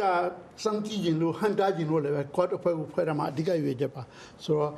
အိန္ဒိယရဲ့ပြင်နဲ့ဂျပန်နဲ့ဩစတြေးလျကိုလည်းပဲသူတို့ညှိလိုက်ပြီးတော့သူတို့ပါဝင်နေရတာဖြစ်တယ်ဆိုတော့အမေရိကန်ကလည်းဒီဟာကိုသိပြီးတော့အေးလေးထားပြီးစောင့်ကြည့်နေမှာပဲဒါပေမဲ့လောလောဆယ်မှာတော့အမေရိကန်ဟာ တရုတ်ကသိလုံလုံကဲကဲဖြစ်မလာသေးရင်တော့သိပြောမှာမဟုတ်ဘူး။ဘာကြောင့်လဲဆိုတော့သူမှလည်းသူကိစ္စနဲ့သူအလုံးမအားနိုင်လက်မလည်နိုင်ဖြစ်နေတဲ့အတွက်ကြောင့်ဒီကိစ္စကတော့သူအဓိကပြောမှာမဟုတ်ပါဘူး။တရုတ်နဲ့ထိတ်တိုက်ဖြစ်နေတဲ့ကိစ္စလည်းအခုတိုင်ဝမ်ကိစ္စကိုပဲသူဥတီပြီးတော့ပြောနေတယ်။ Quad ကိုတော့နိုင်ငံတွေနဲ့ပေါင်းပြီးတော့ကျန်တဲ့နိုင်ငံတွေနဲ့ပေါင်းပြီးလုပ်နေတယ်ဆိုတော့ဆိုတော့ဒါလည်းပဲအရေးကြီးပါတယ်။တရုတ်ကတော့ထက်တွက်မှာပဲတရုတ်ဘက်ကတော့စဉ်းစားမှကြီးပဲငါတို့လိုရင်အမေရိကန်ဘက်ကဘယ်လိုတုံ့ပြန်လာမလဲအိန္ဒိယဘာပြောလာမလဲဆိုတော့အဲ့ဒါကြောင့်လည်းပဲတရုတ်ကသိဒီကိစ္စမှာ ပါဝင်ဖို့အတွက်ကိုသိချင်းချင်းစဉ်းစားနေလို့ထင်ပါတယ်ကျွန်တော်အဲ့အဲ့တော့အခုဒီကျမတို့အခုလက်ရှိအခြေအနေကနေပေါ့ရှေ့ကိုမှန်းမျှော်ကြည့်မယ်ဆိုရင်အဆုံးသက်ကဘယ်လိုဖြစ်လာနိုင်ပါလဲအာအဆုံးသက်ကတော့ပြီးပြီးပြင်းပြင်းမမြင်ရသေးပါဘူးအများရန်မှုံဝါဝါဖြစ်နေပါတယ်ဒါပေမဲ့ဒီကမ္ဘာမှာဖြစ်တဲ့အရေးအခင်းတွေဒီထက်အရေးကြီးနေလောလောဆယ်မှာရုရှားကိစ္စတို့ယူကရိန်းကိစ္စတို့ဒါအရှေ့လေပိုင်းဂါဇာ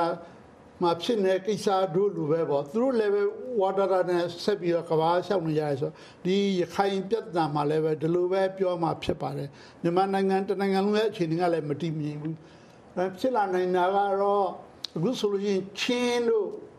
နောက်ပြီးတော့ကရင်နီတို့ကသူတို့ဒေသအုပ်ချုပ်ရေးကိုယ်ပိုင်အုပ်ချုပ်ရေးဆိုတဲ့ပုံစံမျိုးနဲ့သူတို့လှုပ်လာကြတယ်သူတို့ဒေသအုပ်ချုပ်ဖို့အတွက်အဲ့ဒီဟာဒီ ပြည်တော်စုတစ်ခုလုံး Federal Democracy ပြည်တော်စုတည်ထောင်ဖို့အတွက်အဲ့ဒီအချိန်မှာပါဝင်လာမဲ့ဆိုတဲ့ပုံစံမျိုးနဲ့လှုပ်နေကြတယ်ဆိုတော့အေးအေးကလည်းပဲစစ်ကောင်စီကဘယ်လောက်ဖိဖိတရုတ်ကစစ်ကောင်စီကိုလုံးလုံးပုံအောင်ပြီးပေးတဲ့ထောင်တော့တော်တော်နဲ့လက်လျှော့မှာမဟုတ်ဘူးသူတို့အပေါ်စီးရမှသူတို့ပိုင်အပေါ်စီးနဲ့ပိုင်ဖြတ်မှာပေါ့ဆမ်းမြောက်လဲထုံနေလုံးပဲနေမြေတွေသူတို့ရသွားကိုယ်ကအဲ့အဲ့ခါမှာသဘောတက်တာဖြစ်တယ်ဆိုတော့သူတို့ဘက်ကလုံးဝမရရှိဘဲနဲ့ပူနေမြဲကြားနေမြဲပေါ်လေ status ကိုတော့သူပြန်သွားမှာမဟုတ်ဘူး သူတို့အပေါ်စီးနဲ့ယူမှာပဲဆိုတော့ဘယ်အထိအပေါ်စီးယူမလဲဆိုတာကိုစဉ်းစားကြည့်မယ်ဆိုရင်တော့ခုနလိုပဲချင်းတို့ဒီကရနီတို့မှလွတ်သလိုပဲသူတို့လည်းပဲပြည်နယ်ကိုသူတို့ထိန်းချုပ်နိုင်တဲ့အတိုင်းအတာတစ်ခုအထိအဲ့လိုမျိုးလှုပ်လာနိုင်မှသာလို့ရှင်သူများတွေစိစက်ပင်းလည်းပဲလက်ခံနိုင်မဲ့သဘောရှိပါတယ်မဟုတ်ရင်တော့ဆက်လက်ပြီးတော့ဖြစ်နေမှာပဲလို့ယူဆပါတယ်များစင်ဟုတ်ကဲ့ပါဦးကျော်စန္ဒာရှင်အခုလိုဆွေးနွေးပေးတဲ့အတွက်ကျေးဇူးတင်ပါတယ်ရပါတယ်ရှင်ရပါတယ်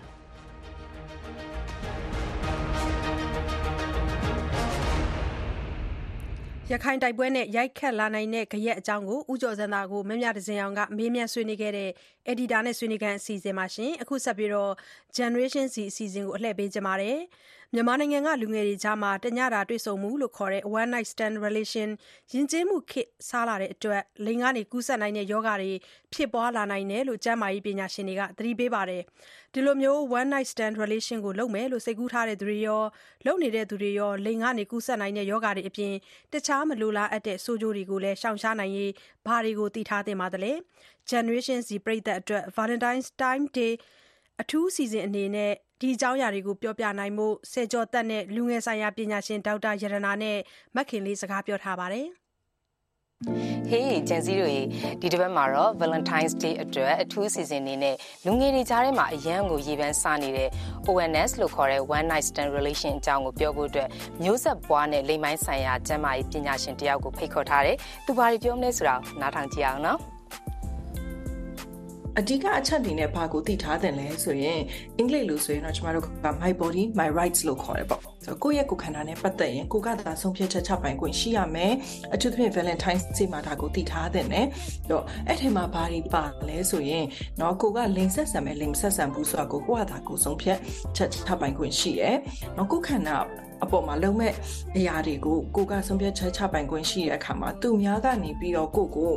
နော်ဒီချင်းချောက်တာမျိုးအပြော့နီးနဲ့ဖိအားပေးတာမျိုးအရှိလာရင်ကျမတို့မှာ no ပြောပိုင်ခွင့်ရှိရဲအဲ့လို no ပြောတာကိုလည်းတစ်ဖက်သား ကလေးစားရမယ်ပေါ့ဥပမာအားဖြင့်အသေးရင်ငါတို့နော်ချစ်နေကြတာပဲ၃နှစ်လောက်ရှိနေပြီဒီနေ့လေးတော့လည်းရောပေးပါ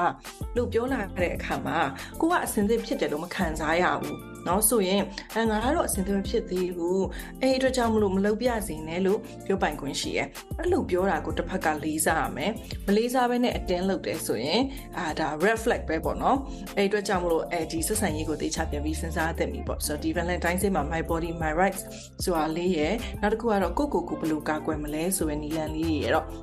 အဲ့လူငယ်တွေသိထားသင့်ပါတယ်လို့ဟုတ် ONS လို့ခေါ်တဲ့ One Night Stand Relation ရဲ့နောက်ဆက်တွဲဆိုးကျိုးတွေရောဘာတွေရှိနိုင်လဲတကယ်တော့ one night stand မှာအဓိကစိတ်ပူရရတယ်အချက်တွေအများကြီးရှိရဲ အဲဆိုနံပါတ်1ကတော့ပါလဲဆိုရင်အခုမှတွေ့ပြီးတော့သူ့ရဲ့နောက်ကျောင်းရဆိုရင်ကိုမသိဘူးသူ့ရဲ့လင်ပိုင်းဆိုင်ရာအမှုအမှုကျင့်နေတာဘယ်လိုရှိလဲဆိုတာမသိရဲ့အခါမှာအဲ့ဒါကိုကိုကအကာအကွယ်ကွန်ဒုံမသုံးမဲနေလိုက်မယ်ဆိုရင်လင်ကတစ်ဆင့်ကူးဆက်တတ်တဲ့ပိုးတွေရတတ်တယ်ပေါ့နော် HIV အပါဝင်ပေါ့နောက်တစ်ခုကပါလဲဆိုရင်မလိုချင်တဲ့ကိုယ်ဝင်ရနိုင်တယ်ပေါ့ဆိုအဲ့မလိုချင်တဲ့ကိုယ်ဝင်ကိုကိုကနောက်ဆက်တွဲဖြည့်ရှင်းရတာတွေကအသက်အန္တရာယ်ထိခိုက်ရတာတွေပါဖြစ်လာနိုင်တယ်ပေါ့နော်နောက်အဲကျမတို့ one night stand ဆိုရင်ငါလဲစမ်းကြည့်လိုက်မယ်ဆိုပြီးလုပ်တယ်လုပ်ပြီးတော့မှအပြစ်ရှိတယ်လို့ခံစားရတာမျိုးပေါ့နော်စိတ်ပိုင်းဆိုင်ရာမှာဆိုရင်ဖြစ်နိုင်တယ်နောက်တစ်ခုကကျမတို့အခုမှတွေ့ရလူတယောက်နဲ့ one night stand နေတဲ့အခါကျရင်လိင်ပိုင်းဆိုင်ရာတာယာမှုကောစိတ်ပိုင်းဆိုင်ရာနှီးစပ်မှုတွေရောမရနိုင်တာဖြစ်နိုင်တယ်နောက်ကိုကပေါ့နော်မသိလိုက်ဘူးနေလိုက်တယ်ပြီးသွားတဲ့အခါကျမှကိုအတူနေလိုက်တဲ့လူကနော်အသက်မပြည့်သေးရမျိုးဆိုရင်နောက်ပိုင်းမှာဒါတရားဥပဒေပိုင်းဆိုင်ရာနဲ့ညှိစွန်းနိုင်တာမျိုးရှိတယ်နောက်ဆုံးတစ်ခုကကြပါလဲဆိုရင်အာကြောက်စရာလည်းကောင်းတယ်ဒါကတော့ဟိုလူတယောက်ရဲ့အပြုအမူသူဘယ်လိုစဉ်းစားတွေးခေါ်လဲဆိုတာမသိဘဲနဲ့เนาะသူနဲ့အတူတူနေဖို့အတွက်ကိုအာလှုပ်လိုက်တဲ့အခါကျရင်အတိုင်းချင်းအကျန်းဖတ်တာလိမ်ပိုင်းဆိုင်ရာအကျန်းဖတ်တာဖြစ်နိုင်တယ် ဒီနောက်ဆက်တွဲပြဿနာတွေမကြုံရအောင်ဆောင်ရန်ရှောင်ရန်နေဘာတွေလဲဆိုတာကိုလည်းမေးကြည့်အောင်မယ် เนาะလူငယ်တွေအနေနဲ့ဒါ one night stand နေမယ်နေနေမယ်လို့စဉ်းစားရတဲ့လူတွေအကအကွယ်ကွန်တုံးအမြဲတုံးပါ နောက်ဘယ်နှယောက်နဲ့အများအကောက်ကွယ်မပါပဲရောနေနေလဲเนาะဘာတွေကိုကိုယ့်စီကိုတည်ဆောင်လာပေးနေလဲဆိုတာမသိရခါမှာနံပါတ်1အကောက်ကွယ်ကွန်တုံးအမြဲတုံးပါနောက်ဒီမလို့ချင်တဲ့ကိုဝင်ကိုကာကွယ်ဖို့အတွက်ဆိုရင်ကွန်တုံးအပါဝင်အဲဒီကွန်ဒုံ plus ပေါ့နော်တရေတားစီမျိုးမျိုးပါသုံးတင်တယ်เนาะဟိုအတူမနေခင်ကလေးကကွာလင်ပိုင်းဆိုင်ရာအပြုတ်မှုမှာဆိုရင်ဘာတွေကိုလိုက်ရောနိုင်တယ်ဘာတွေကိုရောဖြင့်ကိုမလုပ်ချင်ဘူးဆိုတာ အစကတည်းက boundary ချပြီးတော့ပြောရမယ်ပေါ့နော်အဲ့လိုပြောပြီးတော့ညှိနှိုင်းနေတဲ့အချိန်မှာတော့ဟိုဘက်ကကိုယ်မလေးစားတဲ့ဟာမျိုးပြလာပြီဆိုရင်ရှေ့ဆက်မတိုးပါနဲ့ဘာလို့ဆိုသူဒီကိုယ်စကားပြောနေတဲ့အချိန်မှာတော့ကိုယ့်ရဲ့စိတ်ဆန္ဒကိုမလေးစားရင်ကိုယ်တကယ်ဒီ one night stand လုပ်နေတဲ့အခါမှာဆိုရင်လည်းသူဒီရှေ့ဆက်တိုးမှာပဲကိုယ်မကြိုက်ပဲနဲ့เนาะအဲ့ဟာဒီဒါကိုယ့်အတွက်အနေရများတယ် အဲ့ဒါဒီလိမ်ပိုင်းဆိုင်ရာကြံဖတ်ခြင်းဖြစ်တယ်။နောက်လူငယ်ရေးချားထဲမှာအရက်စေးအလွန်ကျွန်းသုံးဆွဲတာတွေပေါ့နော်။ဆိုတော့ကိုကအရက်မတောက်ထားခင်အချိန်ဒီမှာဒီဆုံးဖြတ်ချက်ကိုချချင်မှချမယ်။ဒါပေမဲ့အရက်ရဲ့ influence အောက်ရောက်သွားပြီးစေးရဲ့ influence အောက်ရောက်သွားပြီးဆိုရင်ကိုတာမန်အချိန်မှာမချတဲ့ဆုံးဖြတ်ချက်တွေအဲ့အချိန်မှာချကောင်းချသွားလိမ့်မယ်။အဲ့အတွက်ကြောင့်မလို့အဲ့ဒါဒီကိုအလွန်ကျွန်းသုံးဆွဲတာတွေကိုသတိထားပါ။နောက်ဒီကိုဘယ်နားမှာရှိနေမယ်ဆိုတာကိုကိုရင်းနှီးရဲ့လူတယောက်ကိုတော့ပြောထား။ ဘာလို့ဆိုဒဇိန်တယောက်နဲ့ one night stand နေတဲ့အခါမှာဘာဖြစ်သွားနိုင်လဲဆိုတော့ဘယ်သူမှမသိဘူးပေါ့နော်ဆိုတော့ဟိုတကယ်လို့ကိုကအနိုင်ကျင့်တာခံလိုက်ရတယ်နော်ဒီဒီလူနဲ့နေနေနဲ့ကြောက်လာတယ်ကိုကိုအဲ့ကနေပြီးတော့ရုံးထွက်ခြင်းလဲဆိုရင်ရင်းနှီးတဲ့လူတယောက်ကိုပြောထားဒီ code word လေးထားထား message ပို့လိုက်တာပဲဖြစ်ဖြစ်ထားအဲ့ခါကျရင်အကိုကဒါအကြောင်းပြချက်ပေးပြီးရှောင်ထွက်လို့ရတယ်နော်နောက်တစ်ခုကကြတော့ဒီ ကိုက one night stand ကိုနော်ခဏခဏလုပ်နေတဲ့လူမျိုးပဲဖြစ်ဖြစ်တစ်ခါပဲလုပ်တဲ့လူပဲဖြစ်ဖြစ်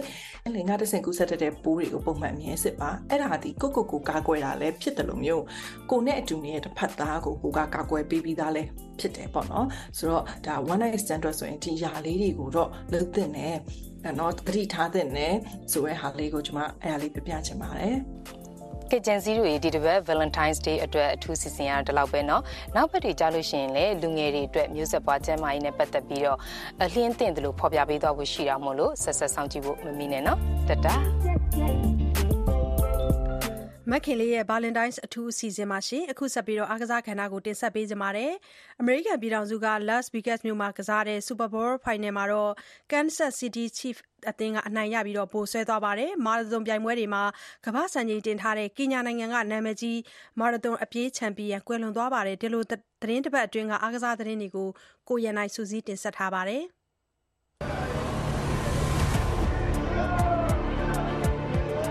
မင်္ဂလာပါ ကျွန်တော် ရန်နိုင်ပါ VOA ရဲ့ တပတ်တွင်း အားကစားသတင်းတွေကို တင်ဆက်ပေးသွားမှာ ဖြစ်ပါတယ်။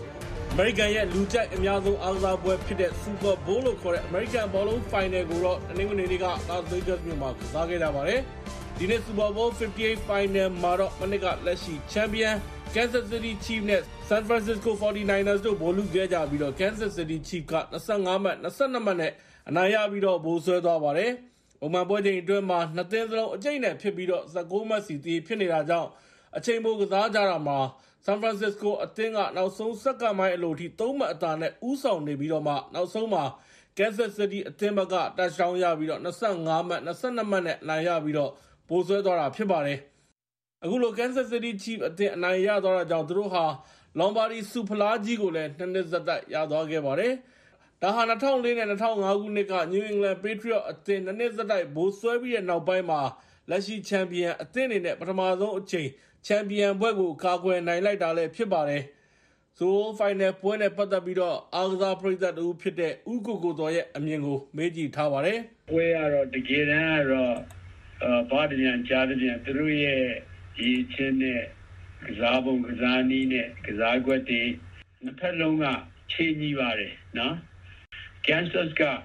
တော့ပို့ပြီးတော့ဟို chief တွေကတော့ပို experience ရှိတာပေါ့ chief ရဲ့ quarterback Patrick Mahomes ကမနစ်ကလည်းနိုင်ထားပြီးသားအဲ့မတိုင်ခင်တစ်နှစ်နှစ်နှစ်ကလည်းသူ final တက်တဲ့ထိရောက်ကောင်ကစားထားဘူးသားဆိုတော့သူကပို့ပြီးတော့ San Francisco သင်းက quarterback Brock Purdy ထဲတော့သူကနည်းနည်းပို experience ရှိတယ်ကစားပုံကစားနည်းပိုနည်းနည်းအဲတည်တတ်တယ်အကျန်းခံနိုင်တယ်ဆိုတော့ချိန်ကိုတုံးချတတ်တဲ့ဒီ quarterback တွေနဲ့အသင်းတွေကသူတို့အဲ့လိုတိတ်တိုက်ဖြစ်လာပြီးဟို ချိန်ကြီးလာပြီးဆိုလို့ရှိရင်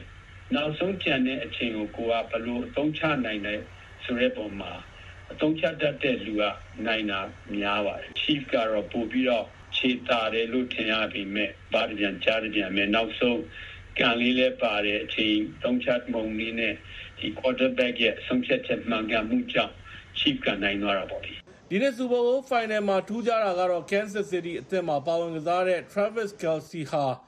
ကမ္ဘာကျော် pop ဆိုတော့ Taylor Swift ရဲ့ ချစ်သူဖြစ်တာကြောင့် ဒီပွဲကို Taylor Swift ကိုယ်တိုင်လည်း ဂျပန်နိုင်ငံမှာ ဖျော်ဖြေပွဲအပြီး ကိုယ်ပိုင်ဂျက်လေယာဉ်နဲ့ ပြန်လာပြီးတော့အားပေးသွားခဲ့ပြီးတော့ပွဲပြီးမှလည်း ကွင်းထဲကိုဆင်းပြီးတော့ သူ့ချစ်သူနဲ့အတူ အောင်ပွဲခံခဲ့တာကိုလည်း တွေ့ခဲ့ရပါတယ်ခင်ဗျာ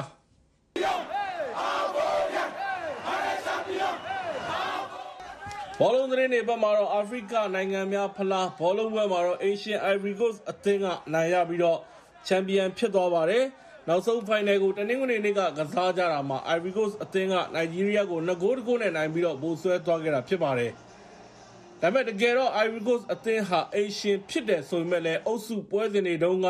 တပွဲနိုင်နှစ်ပွဲရှုံးတဲ့ အုပ်စုတတိယပဲရပြီး နောက်တစ်ဆင့်ကို တက်ခဲ့တာပါ။အဲ့လို အုပ်စုတတိယပဲ ရခဲ့တာကြောင့် ပြိုင်ပွဲအတွင်းမှာပဲနီးပြဂတ်ဆက်ကို ထုတ်ပြီးတော့လက်ထောင်နီးပြ Emma Stray ကို ယာယီနီးပြခန့်ပြီးတော့ဆက်ကစားခဲ့တာပါ။ ဒါပေမဲ့လည်း အုပ်စုတတိယနဲ့ ရှုံးထွက်အဆင့်ကို နောက်ဖေးပေါက်ကနေ တက်ခဲ့ရတဲ့ Ivory Coast အသင်းဟာ final အထိ တက်ခဲ့ပြီးတော့ အုပ်စုပွဲတုန်းကတကိုးကိုမရှိနဲ့ ရှုံးခဲ့တဲ့ နိုင်ဂျီးရီးယားနဲ့ ပြန်တွေ့ခဲ့တာပါ။ final မှာတော့ Ivory Coast ဟာ နောက်ကနေ လိုက်ကစားခဲ့ရပေမဲ့ဒုတိယပိုင်းမှာသွင်းတဲ့2ဂိုးနဲ့ နောက်ဆုံးမှာ2ဂိုးတဂိုးနဲ့ အနိုင်ရသွားခဲ့ပါတယ်။ Ivory Coast အတွက် အနိုင်ဂိုးကိုတော့ ကင်ဆာရောဂါကနေ ဆေးကုပြီးတော့ မနှစ်ကမှ ပြန်ကောင်းလာခဲ့တဲ့ Dortmund တိုက်စစ်မှူး Sebastian Haller က သွင်းပေးခဲ့တာဖြစ်ပါတယ်။ အခုလို Ivory Coast အသင်းအနိုင်ရသွားတဲ့အတွက်လည်း အိမ်ရှင်ပရိသတ်တွေ အကြီးအကျယ်ကို အောင်ပွဲခံနေကြပါတယ်။ Ivory Coast ယာယီနီးပြ Emma Faye ကတော့ Je- J'arrive même pas à mesurer ma, ma, ma, ma joie, franchement, je suis. Je suis... C'est énorme, c'est énorme. ကျွန်တော်အနေနဲ့ကစားသမားဘဝကအနိုင်ရဖို့အတွက်စိတ်ကူးရင်ခဲ့ဘူးပေမဲ့အနိုင်မရခဲ့ပဲယာယီနီးပြဘဝနဲ့ကြာမှအနိုင်ရခဲ့ပြီးအဲ့ဒီအတွက်လည်းပြောမပြတတ်အောင်ဝမ်းသာမိပါတယ် ပြီးတော့ဒီပြိုင်ပွဲကတကယ့်ကိုထူးခြားလာပါတယ်ဒီပြိုင်ပွဲကသဲထက်ရင်ဖို့ဖြစ်စရာတွေအများကြီးရှိခဲ့တယ်လို့အလှည့်အပြောင်းတွေလည်းအများကြီးဖြစ်ခဲ့ပါတယ် Ivory Coast အနေနဲ့ဒီပြိုင်ပွဲအတွက်ဂုဏ်ယူနိုင်တယ်လို့ထင်ပါတယ်ပြိုင်ပွဲကလည်းတကယ့်ကိုကောင်းပြီးအံ့အားသင့်စရာတွေအလှည့်အပြောင်းတွေအပြည့်နဲ့ပါအာဖရိကနိုင်ငံများဖလားကိုဒီလိုအဆင့်မျိုးနဲ့ကျင်းပနိုင်အောင်စီစဉ်ခဲ့တဲ့ကျွန်တော်နိုင်ငံအတွက်လည်းဝမ်းမြောက်မိပါတယ် အခုလို Ivory Coast အသင်းအနိုင်ရသွားတဲ့အတွက်ဒါဟာ2006ခုနှစ်ကအိမ်ရှင်အီဂျစ်အသင်းအနိုင်ရပြီးတဲ့နောက်အိမ်ရှင်ဖြစ်လက်ခံကျင်းပတဲ့အသင်းတွေပထမဆုံးအချိန်ပြန်ပြီးတော့အနိုင်ရတာဖြစ်ပါတယ်ခင်ဗျာ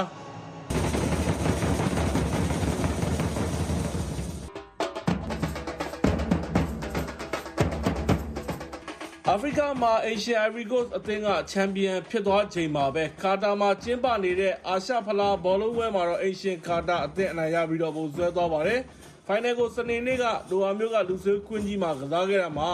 ကာတာက ဂျော်ဒန်ကို3ဂိုးတကူနဲ့ နိုင်ပြီးတော့ပုံဆွဲသွားတာပါ။ဒီဘက်မှာ ထူးခြားတာကတော့ Asian ကာတာအသင်းဟာ penalty 3လုံးရခဲ့ပြီးတော့3လုံးစလုံးကိုလည်း ဝင်အောင်ခံနိုင်ခဲ့ပါတယ်။ကာတာအသင်းဟာ ဒီပွဲအနိုင်ရလိုက်တဲ့အတွက် အာရှဖလားကို နှစ်ကြိမ်ဆက်တိုက်ပိုးဆွဲသွားခဲ့ပြီးတော့ကာတာနိုင်ငံသားတွေလည်းအကြီးအကျယ်အောင်ပွဲခံခဲ့ကြပါတယ်။အာရှဖလားဘောလုံးသမိုင်းကိုပြန်ကြည့်ရရင်တော့ဂျပန်က၄ကြိမ်နဲ့အများဆုံးရထားပြီးတော့ဆော်ဒီနဲ့အီရန်က၃ကြိမ်တောင်ကိုရီးယားနဲ့ကာတာက2ကြိမ်စီရထားပြီးအစ္စရေးကူဝိတ်အီရတ်ဩစတြေးလျတို့ကတစ်ကြိမ်စီပိုးဆွဲထားတာကိုတွေ့ရပါတယ်။ဒီနေ့မှာနာမည်ကြီးခဲ့တဲ့တောင်ကိုရီးယားဘောလုံးအသင်းကတော့ အာရှဖလားကိုနှစ်ကြိမ်ပိုဆွဲခဲ့ပေမဲ့စောစောချင်းကျင်းပခဲ့တဲ့1956နဲ့60ခုနှစ်တွေမှာပိုဆွဲခဲ့တာကြောင့်အခုဆိုရင်အာရှဖလားနဲ့ဝေးနေတာဟာနှစ်ပေါင်း60ကျော်သွားပြီလဲဖြစ်ပါတယ်ခင်ဗျာ